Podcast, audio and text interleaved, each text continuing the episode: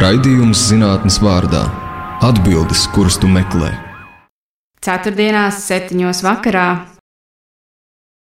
Labvakar, šis raidījums zinātnes vārdā, un šovakar būs runa par dažādiem kukaiņiem, Ko gan citas varētu prasīt Rūtai Starkai, Latvijas Universitātes Bioloģijas fakultātes zooloģijas un dzīvnieku ekoloģijas katedras pētniecei. Labvakar, Rūta! Labvakar! Nu, klausies, ja par tevi pameklē informāciju internetā, tad tur atrod tādus ļoti interesantus teikumus, nu, piemēram, tādu, ka tavā interešu lokā, kā zinātniecei, ir taisnības pārņi, un tad seko uzskaitījums. Ja dažas taisnības pārņas var ļoti labi atpazīt atzīt, zināt, pat iedomāties, kā tie skan. Sienāži, circeņi, siseņi. Nu, labi, es, es par siseņiem arī būs jāpaicā. Es īsti nezinu, kā, kas ir siseņi. Jā. Man, man šķiet, ka tas ir tāds biblisks tēls, vai ne? Tagad ir siseņu uzbrukums. Un tad ir ķireļi. Jā. Nu tā, man tagad ir ļoti daudz jautājumu. Pirmkārt, par tiem dzīvniekiem, kas tev interesē, ko tu pēti, bet ar to jau nav gala. Mēs neesam tikuši, neesam galā nekur. Jo īstenībā tavs pētījuma lauciņš ir nemazāk vairāk tāds interesants noteikti, bet es mēģinu vēl kaut kādu epitētu piemeklēt. Fascinējoša molekulārā ekoloģija. Un ar to arī vēl nav gan, vēl ir bioakustika. Tātad viss uzreiz, jā, tāds lavīna. Bet varbūt sāksim ar to. Es atgriežos pie šiem, ko es teicu. Es domāju, tas visiem ir interesanti, bet no sākuma par entomoloģiju. Kas tā tāda ir? Jā, tad stāsts par kukaiņiem, ja es pareizi saprotu, viena no bioloģijas apakšnodarbiem. Jā, bioloģijas, zooloģijas apakšnodarbs nozara, kas pēta kukaiņus. Un kukaiņus var pētīt, uh, nu, tad sāksim vispār, kas ir kukaiņs. Jo kukaiņi, kukaiņi ja, tā ir um, klase, kur apkopo tādus uh, posmu kājas, kuriem ir sešas kājas. Parasti vai bieži vien viņiem ir spārni, divi vai četri. Bet sešas kājas ir vienmēr? Bet sešas kājas būs vienmēr, jā. Nu, ja nav kaut kur notrūkušas vai kaut kā evolūcijas ceļā reducējušās, arī tāda varianta ir. Bet, uh, bet principā parasti, nu, tādā plašākā nozīmē entomoloģija bieži vien draudzējās ar tuviem, tuvajiem žanriem, ja tā var teikt, kā arachnoloģija. Vēlreiz, lūdzu ar zirnekļiem un ērcēm. Oh, jā, tā jā. kā, nu, teiksim, ko, kopā mēs mēdzam, piemēram, konferencēs tikties, vai, teiksim, ir dažādi žurnāli, kas veltīti bezmuguru kalniekiem, tad arī tur, nu, teiksim, ja, ja būs m, mm, par kukaiņiem, tad bieži vien arī draudzīgie dzīvnieki tur būs arī klāt. Bet, jā, bet tie dzīvnieki stīkstim... vienmēr nav draudzīgi vai nesavstarpēji. Tas jau ir cits jautājums, bet pētnieki droši vien, uh, jā, viens otru zina, nu, katrā ziņā Latvijā. Tā, tā ir tāda apzinā, apzināma populācija komunikācija ar cilvēkiem, kuriem šis lauciņš interesē un ar ko, kuri ar to nodarbojās. Jā, tad ķeramies pie tiem pašiem dzīvniekiem. Kas ir ģireļi? Vai mēs esam visi redzējuši ģireļu? Es domāju, ka visi zina. Mēs droši vien nesam redzējuši, ja ne dzīvē, tad varbūt bildēs, bet noteikti kāds no mums arī viņu ir dzirdējis, varbūt dzirdējis, bet nav atpazinis. Bet ķirels tas ir racēja circenis, ja arī tautā saukts par zemesvēzi. Ah, tas ir, tas ir, jā, nu, tas ir tāds... viņam vairāk nosaukumu, lai acīm redzot ja viņam ir tik daudz nosaukumu, tad acīm redzot, viņi ir pietiekami interesanti bijuši dažādos laikos un cilvēkam nozīmīgi. Jo, teiksim, ja runājot par kukaiņiem, ir ļoti, ļoti daudz kukaiņu. Es, es nebaidīšos teikt, ka lielākā daļa no Latvijas sastopamajiem kukaiņiem ir tādi, kuriem nav latviskā nosaukuma.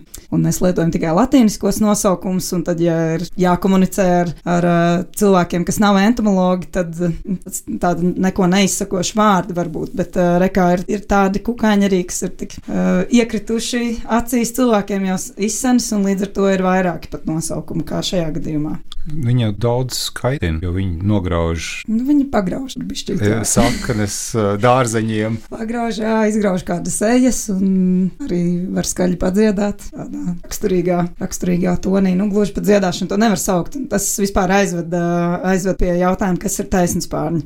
Un ar ko viņi ir tik īpaši, un kāpēc tieši viņi ir man iekrituši sirsniņā.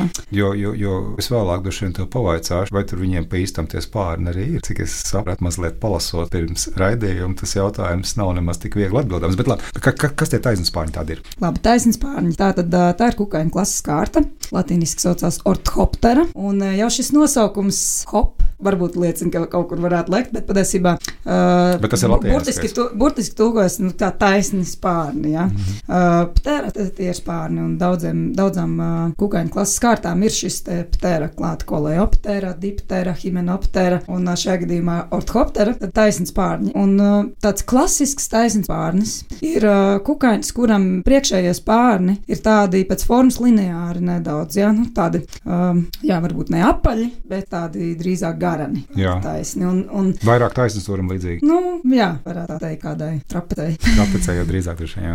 jā, bet, uh, bet, protams, ne visiem uh, patiesībā ir šie spārni. Pareizi tā arī ir, jo patiesībā, nu, teiksim, no taisnas spārņiem lielai daļai šie spārni evolūcijas gaitā reducējušies ir un kļuvusi vai, vai, nu, vai nu uz pusi mazāk, tā ka tikai pusi no ķēdes līdz pusķermenim viņi aiziet, vai arī pavisam reducējušies. Tur ir ļoti daudz dažādas tās formas, un pasaulē ir apmēram 28,000 sugu. Latvijā mums ir 43 šobrīd, nu, varbūt 44.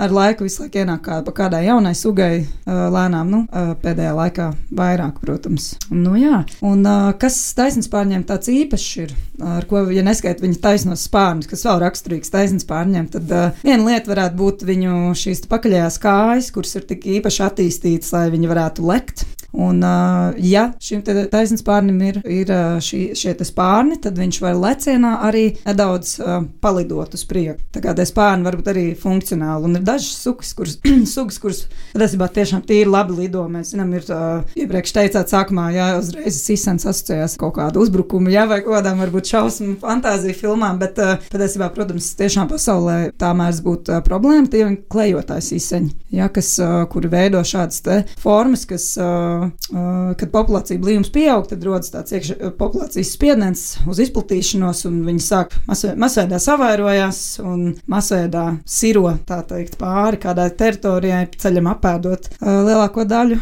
augu kas ir. Un sevišķi cieši dažādas graudzāļu sugas, tāpēc, ka tā ir vispār graudzāls ir viens no nozīmīgākajiem barības avotiem taisnības pārņiem.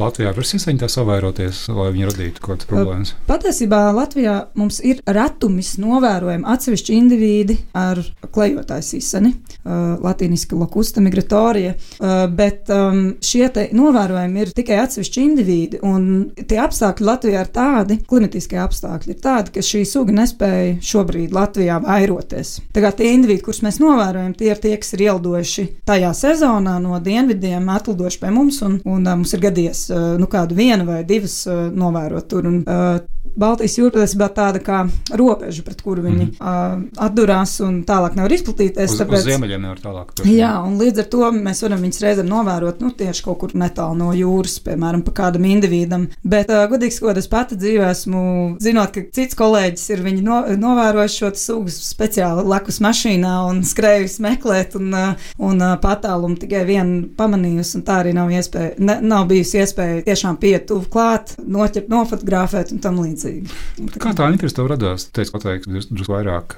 kāpēc tie ir tā. Kāpēc tieši taisnības pārņi? Jā. jā, jā, jo īstenībā jau man šeit bioloģijā tas jautājums, ko pētīt, kas piesaista interesi, ir tā kā, nu, jautājums, ir, tāpēc, kad bioloģija ir tik plaša. Droši vien, ka vārds sarežģīti ir tāds vēl tāds ļoti maigs, jā. Jā, nē, nu, es domāju, ka, uh, nē, nu, laikam jau to jās, es to varu teikt par sevi, bet varbūt kāds, kāds, kāds cits biologs piekritīs, un ne tikai biologs, domāju, bet, nu, laikam katram no jums, katram no no mums ir jābūt tādam nedaudz pašam, varbūt dīvainam, lai ieciklētos uz kaut ko vienu ļoti specifisku. Un kāpēc tieši, tieši taisnības pārņem? Nu, sākotnēji es vienkārši zināju, ka man interesē kukaiņi, bet diezgan ilgi es nevarēju līdz pat pirmā kursa praksē, es nevarēju tā īsti izdomāt tieši, tieši kuri kukaiņi. Un tad uh, Es aizdomājos par šiem taisnības spārņiem, kur ir tik interesanti, jo viņi lec. Nu, tas ir tā neraksturīgi. Nu, Spārni ir, bet lido maz. Jā, nu, viņi lēkā apkārt. Viņiem ir tāda dīvaina ķermeņa forma, ja, tāda, tāda garana ar tām lielajām pakaļkājām. Un, un, protams, tas skaņas, ko viņi rāda, ir ārkārtīgi interesanti. Un, un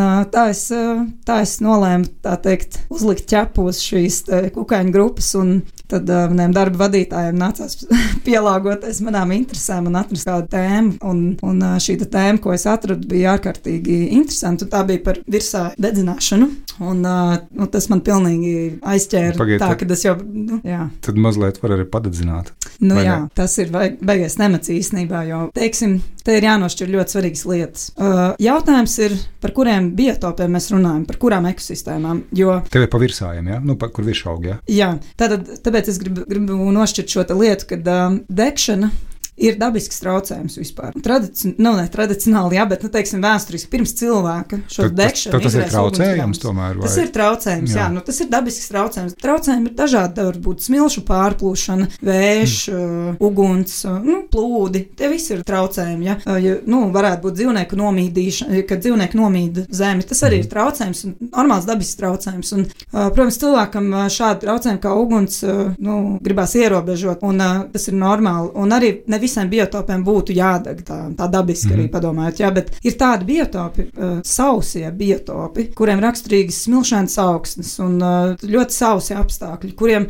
šis traucējums degšana ir patiesībā dabisks, un, un šīs degšanas rezultātā rodas patiesībā šim biotopam pavisam raksturīgā dabiskā struktūra. Kāds laukums izdeg intensīvi, tur rodas atklāts smilts, atklāts smilts, uh, kāds laukums uh, nenodeg tik intensīvi, tur saglabājās tā veģetācija, un rezultātā ir tāda daudzveidīga struktūra, un jo daudzveidīgāka struktūra, jo lielāka, lielākai arī kukaiņu daudzveidībai ir iespēja pastāvēt, jo tur ir dažādi resursi. Bet tagad kāds klausās, teikt, bet, nu, kad, deg, tad aiziet bojā. Nu, uz to brīdi, jā. Bet, uh, nu, uz, nu, protams, ka kāds aiziet bojā uz to, uz to brīdi, bet arī jāatcerās, teiksim, sugas, kurām ir izplatīšanās spējas kaut kādas, labi, gliemezim ir grūti aizbēgt, augsnes ērcē ir grūti aizbēgt, vai, nu, vai neiespējami, ja. Bet uh, tur kādiem lielākiem dzīvniekiem, tā skaitā, piemēram, taisnspārņiem, ir šī iespēja no šī traucējums to mirkli aizbēgt projām un pēc tam atkal kolonizēt šo teritoriju. Tā ir viena lieta. Un uh, otra lieta jāatcerās, ka kukaiņi, uh, liela daļa no kukaiņiem, nu, lielākā daļa no taisnības pārņem ir viena. Mm -hmm. Un uh, līdz ar to nu, sezonai pienāks beigas un izdēs soliņus, un pieaugšie tāpat aizies bojā. Bet kā notiek pētījumi? Kā pētījumi? Domāju, tā praktiskā daļa. Tu meklē vietas, kurā kaut kas ir izdedzis, vai tā ir arī tāda mērķiecīga kontrolēta dedzināšana kādas vietas? Nu, šī, uh, šis konkrētais pētījums, šis ir viens no, viens no pētījumiem, kas ir bijis, ko es veicu savu bakalaura studiju laikā. Uh, tas bija jā, balstīts uz konkrētu teritoriju, Ādažu militāro poligonu, jeb aizsargājamo ainavu apvidu. Ādaži, kas ir vienlaicīgi nu, tāda ļoti vispār unikāla un interesanta teritorija, kur, uh, ja neskaita šos te, patiesībā šie dabiskie traucējumi, tur ir tā, tā kā reintroducēta, teiksim tā, uh, noteikti kontrolēta dedzināšana, speciāli tiek uh, nodedzināta kāda laukuma, uh, bet uh, tādā drošā veidā, lai šī uguns neizplatītos tālāk par to, kur ir nu, plānots.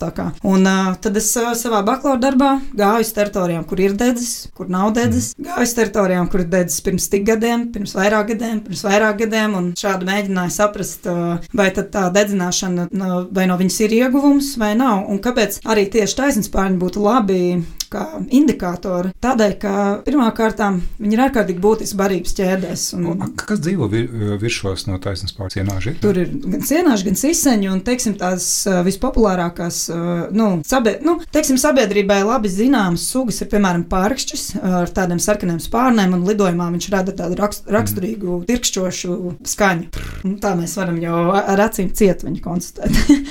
Un uh, tad, uh, protams, ir arī raibspārnas miltājs, izsens un citi. Un uh, vispār kopumā uh, šajā pētījumā, teiksim, ja Latvijā ir 43 sugas, tad šajā vienā teritorijā, ādažos, konstatēja 21 sugu. Tā ir pusi no Latvijas faunas vienā mazā teritorijā. Nu, tas ir ļoti daudz. Un, vēl lielāks prieks par to, ka uh, no, šī, no šīm visām sugām apmēram pusi bija tieši tāda, kas saistīta ar sausām vietām. Tad tajās vietās, kas bija degušas, tur bija tā populācija daudzskaitlīgāka? Uh, daudzveidība lielāka, tieši, tieši sugu daudz daudzveidība lielāka, jā, individu skaits lielāks. Un patiesībā tas ir viegli izskaidrojams, jo atkal jau jārunā par Latvijas vienkārši dabiskajiem klimatiskajiem apstākļiem, kurām ir daudz ekosistēmas, ja viņas neapsaimnieko vai viņās nav šie dabiskie traucējumi. Re, nu, laika gaitā dabiskās sukcesijas rezultātā viņi aizaug ar kokiem. Uh, sauso biotopu gadījumā tās droši vien būs priedes, mhm. un virsā gadījumā sākotnēji tās būs vienkārši pašu virsmu audzes, kuras kļūs ļoti blīvas un uh, virši tuvu viens otram pavisam blīvi respektīvi, augsnē rodas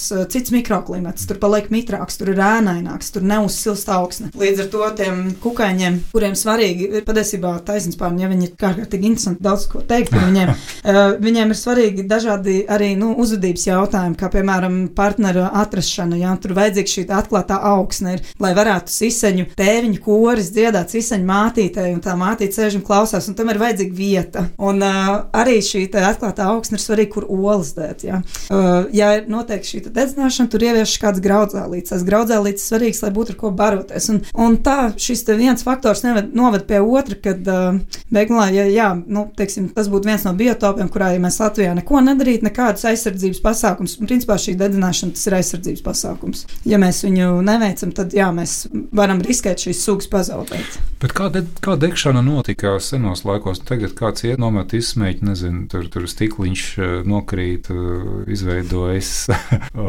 dabisku klupu, nu, dabiski pēdiņās. Jā. Bet kā senos laikos, kā tā, tā dzirkstā radās?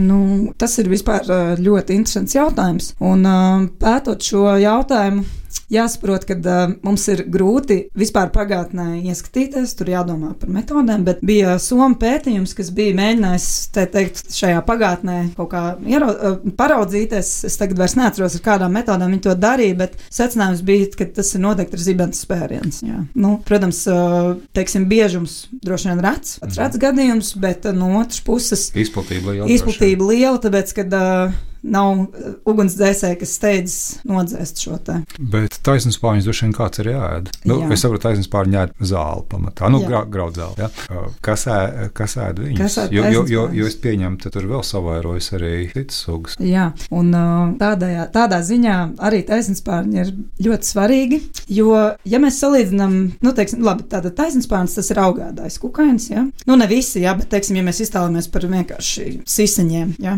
At, atkal jautājums, kas ir, ir siseņi.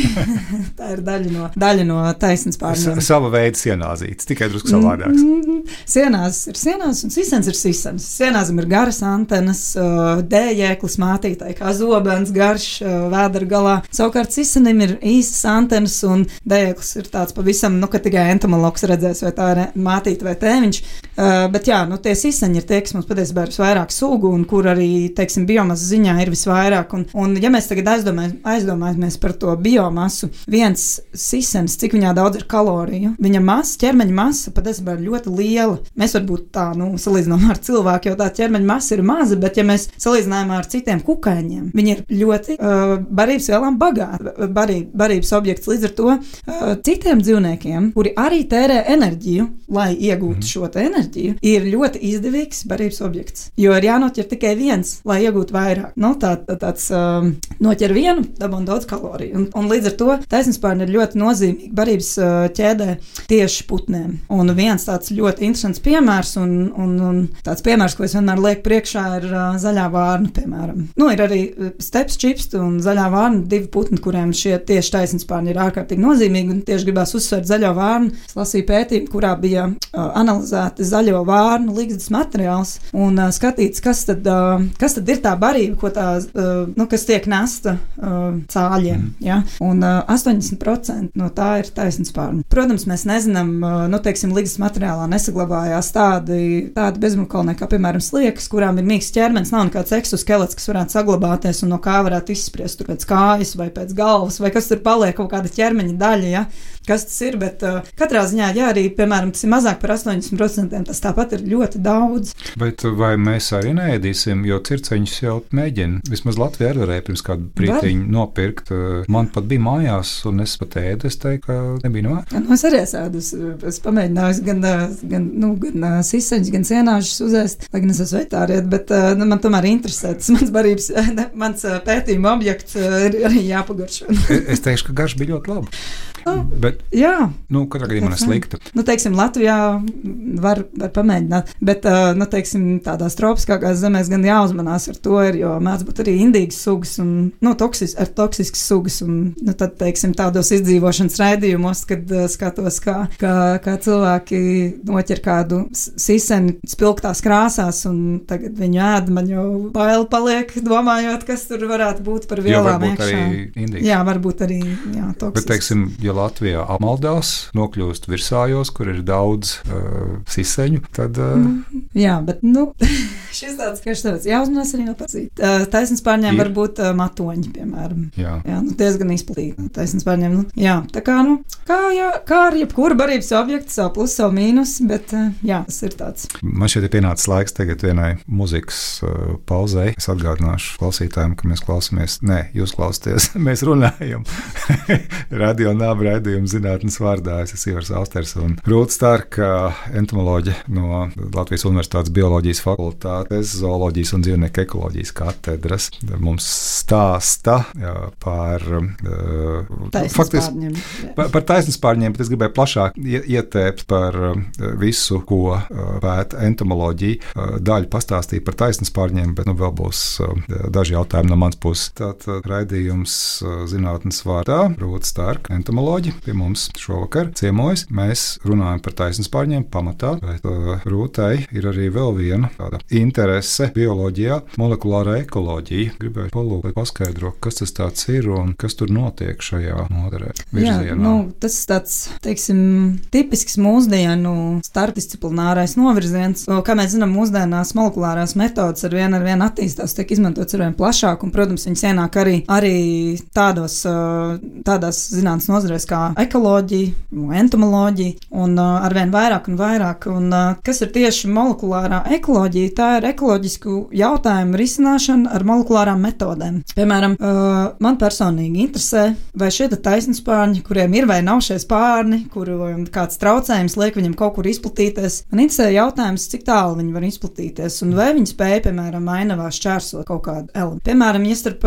diviem piemērot biotopu laukumiem, pa vidu ir kāds nepiemērots biotops. Piemēram, starp diviem zālēm ir mežs, vai starp diviem purviem ir mežs. Nav, nav runa laikam par tādām lielām uh, geogrāfiskām teorijām, teritorijām, ko tu iepriekš minēji, ka Baltijas jūra ir Jā, ne, nu, gan, šķērs, tas var būt gan dažādos mērogos tiešām. Tas var būt mazā, mazākā mērogā, plašākā mērogā. Un tad ir, ir dažādas metodas, kā mēs varētu uh, noskaidrot šo, te, šo te jautājumu, vai tie, vai tie individi spēja vai nespēja šķērsot kaut kādu barjeru ainavā. Tad šīs metodas būtu šādas. Pirmkārt, mēs varētu mēģināt to kukaini iezīmēt kaut kādā veidā, aiziet uz šo te teritoriju, nu, uzlikt gredzenot. Nu, Jā, aptuveni līdzīgi, bet, protams, nu, kukaini mēs nevaram uzlikt gredzenu, bet Mazi. mēs varam, piemēram, viņam uzlikt mazu punktiņu, mazu krāsainu punktiņu kaut kur uz ķermeņa, un uh, varam mēs dažādi, nu, tur dažādi, dažādi veidi, kā mēs varētu to darīt, tur ar cipariņiem, bez cipariņiem, vai ar kaut kādām punktu kombinācijām, vai citādi, lai varētu identificēt, ka tas, piemēram, tas indivīds, vai ka viņš nācis tieši no tās vietas.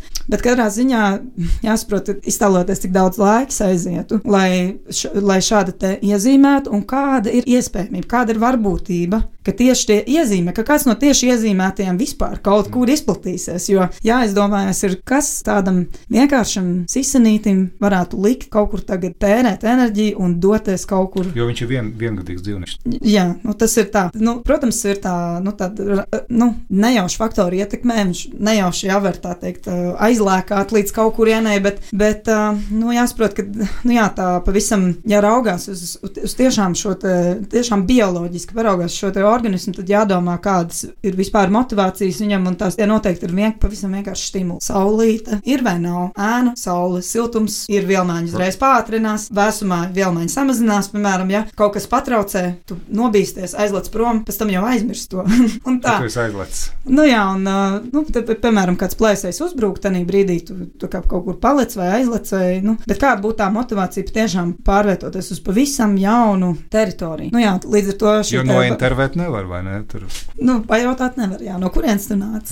Jā, kāpēc tu ej? Pēc un uz kurieni. Jā, bet, um, bet uh, nu jā, jāsaprot, tā tāda maza varbūtība, ka mēs varētu šo metodi tā veiksmīgi pielietot. Mēs varam protams, mēģināt jā, ieguldīt jā. tur ļoti daudz enerģijas un tā. Tad otrs variants, ko mēs varētu darīt, uh, jau virzoties tādā mūsdienīgākā uh, virzienā, būtu kaut kāda raidītāja. Mēģināt uzlikt raidītāju. Tas to... ir iespējams arī kukaiņiem. Ne tikai, nu, teiksim, mēs ļoti labi zinām piemērus par lieliem dzīvniekiem. Ja mēs varam putnam uzlikt mm. raidītāju, varam tur lūsim uzlikt vai lācim un uh, izsakot viņu kustībai. Bet uh, ir viens, viens svarīgs uh, likums šajā raidītāju izmantošanā, ir, ka tas uh, pats raidītājs svars nevar būt lielāks kā 10% no tā dzīvnieku svāra. Ja? Un, ja tas uh, kukainīts pavisam, pavisam viegls, tad mums jādomā par vēl pavisam vieglāku raidītāju. Bet šādi raidītāji ir, un, un, bet uh, nu, tie nav tik, um, teiksim, advancēti, kādus mēs varam uzlikt, piemēram, putnam vai zīdītājiem, kas mums var sūtīt datus jau uz datoru ceļu. Jo droši vien tā raidītāja jauda jau nav nekāda. Nu, nav, dižā. tā, tieši tā, tad tāpat tur ir jāstāv tajā, nu, tev lauka apstākļos, tāpat ir jādara.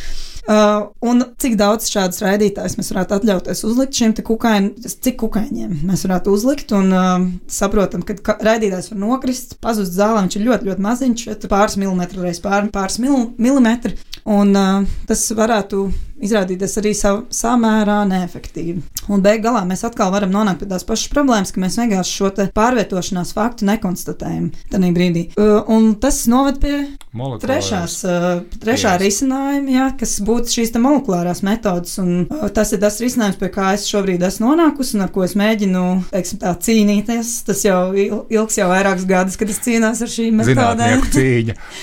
Jā, laboratorijā citreiz dusmojos, bet, uh, bet nu, uh, kaut kā lēnām tiek uz priekšu. Ir uh, jā, tad, tad meklēt, kā mēs varam izmantot kukaiņu DNS, lai pierādītu radniecības starp mhm. teiksim, nu, populācijas daļām. Jā, starp, ir teiksim, ierobežots biotopu laukums un kaut kur tālāk cits laukums. Teiksim, pam, pam, paņemot individus no viena no, no otra, mēģināt salīdzināt viņu ģenētisko daudzveidību, ģenētisko līdzību, lai teiksim, saprastu, tā vienkārši ir fakts, vai viņi ir līdzīgi līdzīgi, vai, vai viņi vai, nav tik līdzīgi. Vai, vai no gaiziņa kalna līdz alūknē kādreiz ir aizgājuši. Nu, jā, Nē, nu, jā tad, tad atkal, tad, tad atkal ir interesants lietas par to molekulāro ekoloģiju, kad ir patiesībā tāda, nu, viss ir atkarīgs kādu jautājumu mēs uzdodam. Ja mums interesē, teiksim, tāda neseni notikumi, kā, nu, tā, tas, kas personīgi man interesē, ir tiešām šī barjeru šķērso, šķērsošana ne, ne pārāk lielā telpiskā mērogā, nu, teiksim, tādā vairāk lokālā mērogā, tad mums droši vien interesē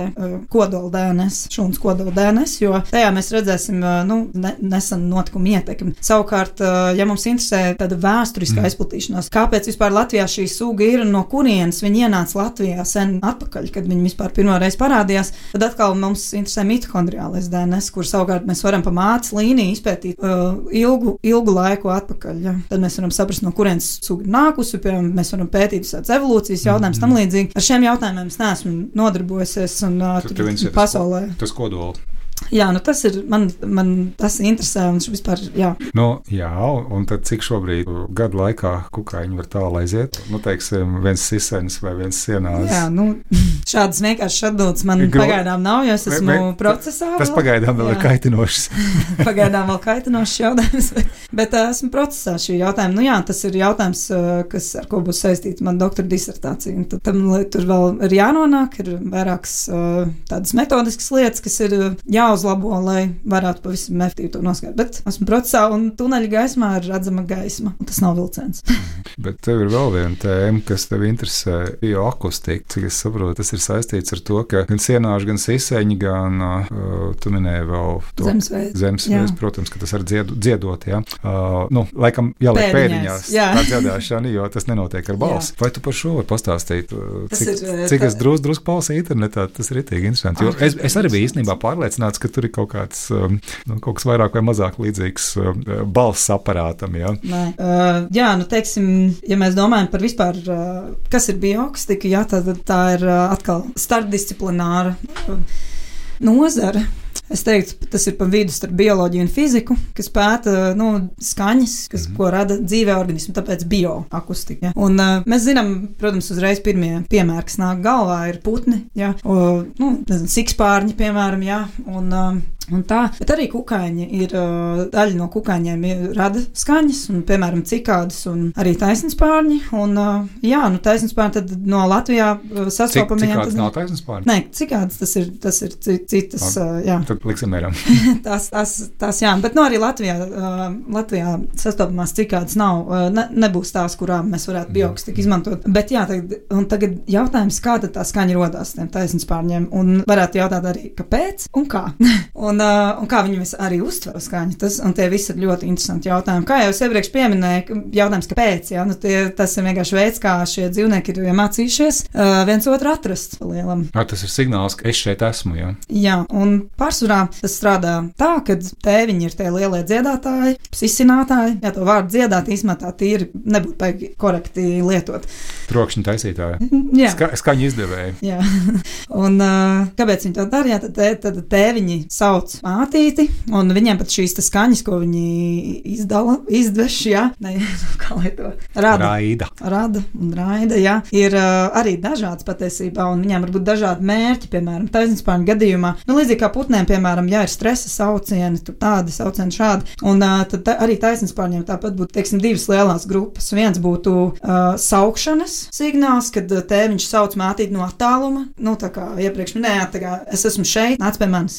un tad, kad mātīti ierodās, tad uh, tālāk jau ir šis te pavedināšanas jautājums, kad uh, jāsāk jau sisināt nedaudz precīzāk un interesantāk, lai tai mātītei tā izvēle kristu tieši uz šo konkrēto tēviņu. Jo parasti to ir vairāk, vai ne? Jā, un viņi veido savā starpā tēviņu korus, un vairāk tēviņi dzied šeit mātītē, un mātīte sēž un klausās un izvēlās, kurš tad ir tas skaistākais dziedātājs. Bet, uh, bet uh, arī nevienmēr viss ir tik vienkārši. Nesen es biju konferencē Meksikā, kas bija veltīta tikai taisnības pārņēmumam, un tur bija vesela konferences sesija, kas bija veltīta tieši šīm te vairošanās skaņām, un tur izrādās, ka, piemēram, circeņiem nevienmēr ir tā, ka mātītei interesē tas skaļākais tēviņš, tur var būt arī dažādi, dažādas tiešām tās situācijas. Bet tagad jautājums, kā tad uh, šī skaņa tiek radīta? Un tur ir divi veidi. Uh, viens veids, kas ir raksturīgs siseņiem, jo ir siseņi un sienāši, kā es iepriekš skaidroju, tas nav viens un tas pats. Viņi ir, protams, radniecīgi, jā, bet uh, siseņiem šī skaņa rodas tā, ka uh, uz lēc, lēckājas, uz tās ra rasnākās kājas, jā, iekšpuses ir mazi, mazi punktiņi, tādi izcilnīši. Un šie izcilnīši tādā rindā ir novietoti. Un savukārt gar vēderu iet šis taisnais uh, spārns, un šim spārnam ir raksturīgs dzīslojums, un šis dzīslojums ir diezgan izteikts. Un viņš rada tādu reliefu ziņā. Tad kustina to kāju. Jā, un tā tad to kāju kā pa veļas dēli. Tur, jā, tad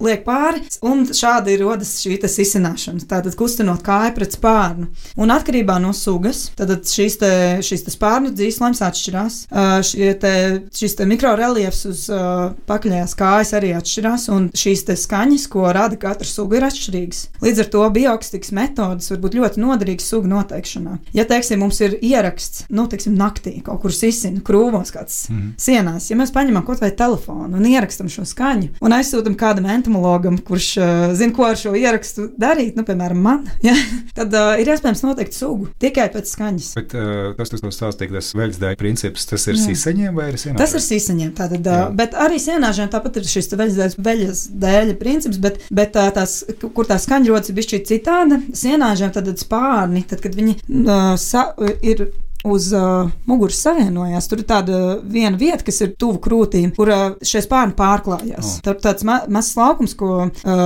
nu jā, sauc par spoguli. Kā, un tur ir arī tāda tā kā rīvīte un šī mm. spoguļa daļa. Un uh, rīvīte, berz, viens spārns berz, berzēs gar otru, un uh, vienam spārnam ir tāds uh, membrāns laukums, kas ir principā kā tāda bunga. Mm -hmm. Nostiepta plēve. Oh. Un tā tad šis uz vienas pāri ir tā rīvīta, un uz otru ir šis laukums, ja, un viņš vibrē un rod, rod šī raksturīgā skaņa. Un, um, tad, tur nav arī mūzikas instrumentu attīstītāja ietekmē no abiem dzīvniekiem. Teikt, ir es citu arī grupa The Locust. Oh. Es varu paklausīties. Labi, bet es pārtraucu. Jā, bet uh, kas vēl interesanti par šīm skaņām? Tas ir viens, tā viņi rada šīs skaņas, bet kā tad, kā tad viņi uztver šīs skaņas? Varētu likties, ka, ja m, mm, tiek radītas šīs skaņas, vajadzētu būt tādām lielām ausīm, jo, lai sadzirdētu. Jo, jo tu minēji trīs lietas, vai ne? Kā tās, kā, kāpēc vispār tās skaņas tiek raidītas, radītas? Lietas, ja, jā.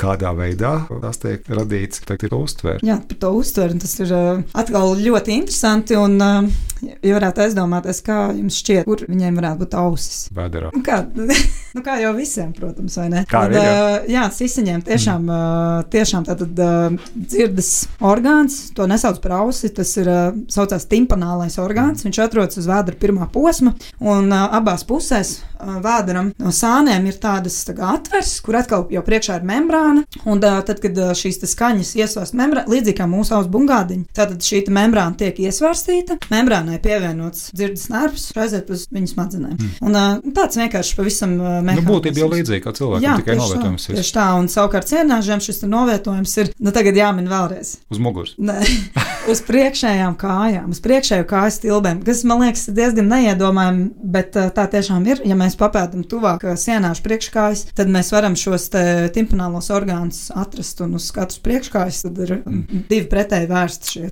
Un arī kaut kas līdzīgs bombardijām. Tieši tāpat, jā, ir tad membrāna, un pie kuras piesprinās uh, dzirdes nervus, un nu, ļoti interesanti.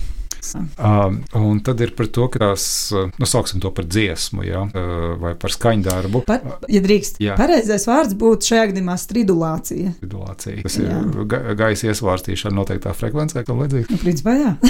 uh, nu, tad, tad uh, ņemam stridulācijas, ir ļoti dažādas stridulācijas, bet tagad kā tās uh, mātītes, uh, viņas atšķiras pēc kādiem principiem, vai tas ir zināms? Uh. Jo, cik es sapratu, ir divas lietas. Viena ir tā nu, pievilināšana vienkārši tuvāk, un tad seko seko jau tāds uh, taktiskais mērķis. Jā, tas, uh, bet tas nav arī vienīgais. Ir vēl viena lieta, ko es vienkārši nepateicu. Ir, uh, tās iznāšana nav vienīgais, kā šie kukaiņi viens mm. otru atpazīst. Tad, kad, tad, kad uh, šī mātīte ar tēviņu ir satikušies, tad uh, tālāk arī liela loma spēlē ķīmiskie signāli. Respektīvi, uh, ar antenām notiek saskaršanās, ja, mm. un uh, arī šeit ķīmiskie signāli lielu lomu spēlē, un tad pēc tam vēl ir trešais mehānisms, kas neļauj. Uh, kas neļauj, teiksim, īpaši veidot tādus starpsūku hibrīdus. Kaut gan, nu, var veidoties, bet, nu, nav tik bieži patiesībā. Un... Ka, kas īsēņi ar sienāžiem sapārojās? Nē, nē, starpsūku hibrīdi tas būtu tad, ja, nu, tuvredniecīgas ah. sugas, oh. kas jau ir vienā mm -hmm. ģintī, jā, jā. Jā, kas ir tiešām jau tuvredniecīgs un nu, ir arī sastopams vienā tā pašā biotopā, un,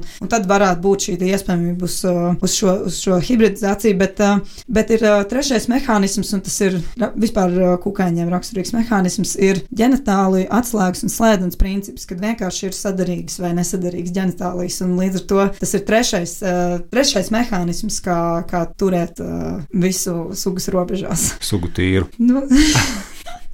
Jā, uh, bet kā ir ar evolūcionāro skatījumu? Nu, teiksim, parasti evolūcionāri orientēti pētnieki, nu, tad savā ziņā banāli, tāpēc, ka bieži lietot piemēru pa, par pāu gaļu asti vai ne, nu, sāk, nu, viņš uzreiz rāda, vai ne, ka viņam ir, ka viņš ir stiprs, ka viņam ir resursi pieejami vai ne, un ka viņš būs uh, labs ģenētiskā materiāla, nu, ne jā, tikai avots, bet arī, nu, tā varēs par tiem bērniem parūpēties, jā. vai ne, un katru sūku to mēģina. Uh, kā ir ar uh, vienalga uh, sienāžiem, uh, siseņiem. Šajā, šajā ziņā vai ir kaut kādas uh, pazīmes identificētas, kas savstarpējā, nu, sauksim par komunikāciju, tiek, tiek paustas? Nu, jā, nu, teiksim, tā teiksim, ja kādreiz es varbūt teikšu, jā, kas tur labāk, nezinu, sisina, tas tur arī dabūna vairāk vai, vairoties, bet patiesībā, kā es minēju, nesen biju konferencē Meksikā, kur šiem jautājumiem tika veltīta ļoti liela uzmanība, un, un vairāk pētījumi parādīja to, ka nevienmēr tas ir tā, jo tas situācijas ir tik ļoti dažādas, kādā vidē šis kukainis dzīvo, un jāsaprot, ka, ja kukainis rada skaņu, viņš jau rada skaņu ne tikai savas sugas pārstāvjiem, mm. arī citi viņu dzird. Viņi var noķert un apēst. Un līdz ar to arī šis plēsonības spiediens var palielināt palielināties uz šiem īpaši skaļajiem. Uh, ja, ja tā mm. plēsēja sugu iemācās atpazīt šo savu barības objektu, un, uh, nu, ja mums, un piemēram, domājam par putniem, tad putni gudri dzīvnieki, ja, tad uh, varētu šī iemācīšanās notikt. Un līdz ar to, piemēram, viens piemērs bija, es tagad neatceros kādās salās, bet klusā okeāna salās bija circeņi, kuriem īsā, gada, īsā laika posmā, piecu gadu laikā, no populācijas, kurā dominē skaļi tēviņi, pārgāja uz populāciju, kurā dominē murājoši, kā viņi nosauc murājoši tēviņi, kas ir tādi klusie tēviņi. Tās frekvences ir dzirdamas mātītē, bet viņas nav skaļas. Līdz ar to viņas uh, ir sliktāk dzirdamas uh, plēsējiem. Un tad tās situācijas arī var būt šādas, un patiesībā, jā, tas ir, um, nu, katras, katras sugas un uh, vi, viņas vides tāds jautājums. Miedarbības starp sugu un, un vidi. Uh, Man gribas vēl pavaicāt, kā ir ar sociālo dzīvi pārņem. Nu, ir, nu, bez tā tagad stāstīja par, par teiksim, to vairošanās procesu, kas droši droši vien ir sociāli procesi, bet nu, kaut kāda miedarbība ārpus tā viņiem ir. Viņi ir arī grupas dzīvnieki vai tikai noteiktās situācijās tur tēviņu kors izveidojas. Tas būs, tas, tas būs jā, noteikti tādas situācijas. Nu, tā, nu jā, uz vairošanās brīdi tad viņi ir, ir varbūt veidot tādas, tādas segregācijas, jā, varbūt, bet, bet tā citādi, protams, katrs par sevi. Nu, tā vismaz mums šķiet šobrīd. Jā. Mm. Vispār, jo, jo dziļāk iedziļinās visos šajos jautājumos, jo vairāk saprot, ka tur var būt dažādas ne, nezināmas lietas. Vēl viena situācija, kurā šie kukaiņi var satikties, viena lieta ir tad, kad viņi vairojas, bet pēc tam nākamais jautājums, kur tai mātītai olas dēt. Mm. Tad, viņi palīdz viens otram kaut kā? Es nezinu, vai viņas palīdz. es domāju, ka nē, bet uh, vienkārši iemesls, kāpēc mēs varētu citreiz kādā konkrētā vietā sastapt īpaši daudz šos kukaiņus, ir tad, ja tajā vietā ir kaut kāds īpašs specifisks resurss, kas ir vajadzīgs šīm mātītēm. Piemēram, viens tāds piemērs no Latvijas zāļu purviem. Tur ir viena suga, kas saucās zeltainais sisens, kur mātītes ir, viņam, viņ, mātītēm ir evolūcijas laikā reducējušies spārni, tad viņas nav spējīgas mm -hmm. lidot, viņas diezgan, patiesībā diezgan neveiklas savās kustībās, bet viņu ķermeņa krāsojums ir pielāgojies tieši sakaltuši spriedzi, ziniet, tāda spriedzi, kurai jau ir nolupusi mīza, un viņa ir tāda pelētāda. Ja? Mm -hmm. Tā, aptuveni tādā krāsā, arī sakaltuši niedru krāsā ir šīs mātītes, un, un šīs mātītes mēdz dēt olas šādu izkautušu priežu zaru tādās, nu, nu plaisiņās. Un tad, tad, tad kad, nu, teiksim, ejot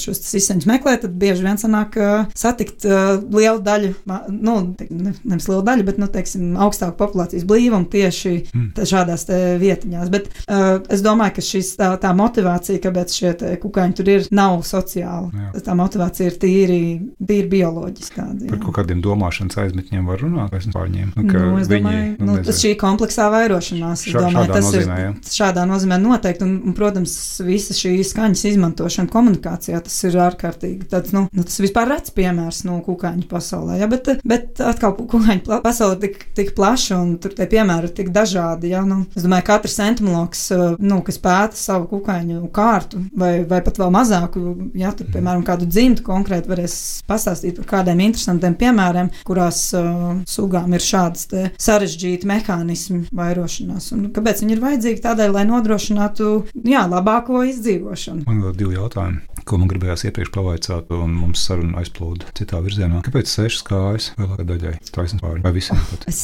nē, nu visiem taisnības pārņem sešas kājas, bet visiem kukaiņiem. Visiem seš, kukaiņiem. Jā. Sešas kājas. Pēc? Tas nav zināms. Oh, tas vispār ir labs jautājums. Tā, bet ir jau kāpēc tieši sešas? Bet, kāpēc ne astoņas? Bet, teiksim, kaut, nu, kaut kādam simtkājiem jau ir vairāk. Nu, jā, jā, jā. Simtkājiem katrs, katra ķermeņa posma ir pa vienam pārim ar kāju, jā. bet nevienmēr tas nozīmē simts kājas. Nu, varētu būt arī, nu, visticamāk, jau mazāk kājas. Kāpēc tieši sešas? Nu, nezinu, nu, kāpēc tieši divas acis vai kāpēc tieši divas antenas? Es, es varbūt, jā. Jā, nu, tas tāds, nu, daļa no, teiksim, no pazīmēm arī, nu, es tagad nedaudz spekulēju, bet tas vienkārši ir mans minējums, lai citi biologi nedusmojās uz maniem. Bet uh, daļa no pazīmēm, ko mēs varam novērot, viņas vienkārši ir izveidojušās ne, nejaušības pēc, mm. vienkārši kādas mutācijas rezultātā, un kāda mutācija ir izrā, izrādījusies veiksmīga, noderīga un līdz ar to saglabājusies. Un, uh, acīm redzot, tas ir labāk, labākais veids priekš pārvietošanās, priekš, uh, priekš, jā, nu, priekš dažādi nu, prie, prie, pielāgojums priekš pārvietošanās, bet kāpēc 6, nevis 8? Bet noteikti tas būtu pārskaitlis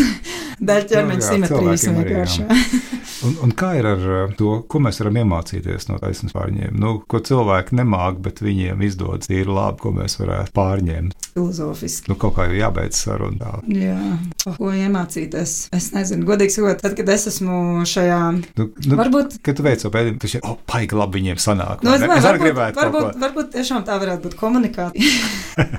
Nē, nu, tādā ziņā, ka es godīgi sakot, kad es esmu, kad es esmu nonākusi šajā, nu, tā ir man viena no mīļākajām vietām uz pasaules, kur būt, ir būt vienai pašai kaut kur purvā vai pļavā, klausoties šīs sisaņu sienāšu skaņas un mēģinot viņas atrast, balstoties uz to, ko es dzirdu. Es dzirdu, ka viņi tur ir, un tad es jau mēģinu jau galvā spekulēt, kas tā ir par sugu. Un, uh, un tad es, tad es nesen pagājušajā gadā pat sāku mēģināt pati komunicēt ar viņiem, mēģinot dažādas tikšķus. Atdarināt. Atdarināt, jā, nu, ir tāds purvs sisens, kurš tā tikšķi, un tad es arī mēģinu tikšķēt, un tad man liekas, ka viņš man tikšķi pretī, un es jūtos ļoti laimīgi tajā brīdī. Protams, uh, gan jau tā nav, bet, bet um, nu jā, es, ne, es nezinu, man liekas. Tas izsaņem viens otru, principā liek mierā, bet, ja, bet nu, protams, sarunāties mierīgi. Man, man šķiet, ka tas ir pats skaistākais sarunas nobeigums, kāds ir iespējams. Tad, tad likt mierā un tāpat laikā sarunāties. sarunāties atvērts sarunai, bet viens otram virsū nekrīt. Paldies, Rūt! Es atgādināšu, ka Rūta Stark, Latvijas Universitātes bioloģijas fakultātes zooloģijas un dzīvnieku ekoloģijas katras pētniece pie mums šovakar bija ciemos raidījumā zinātnes vārdā. Un man sauc Ivars Austers un uz sazināšanos, ne saklausīšanos un um, sadzirdēšanos, sadzirdēšanos uh, pēc divām nedēļām. Paldies! Atā. Paldies! Raidījums zinātnes vārdā - atbildes, kuras tu meklē. Ceturtdienās, septiņos vakarā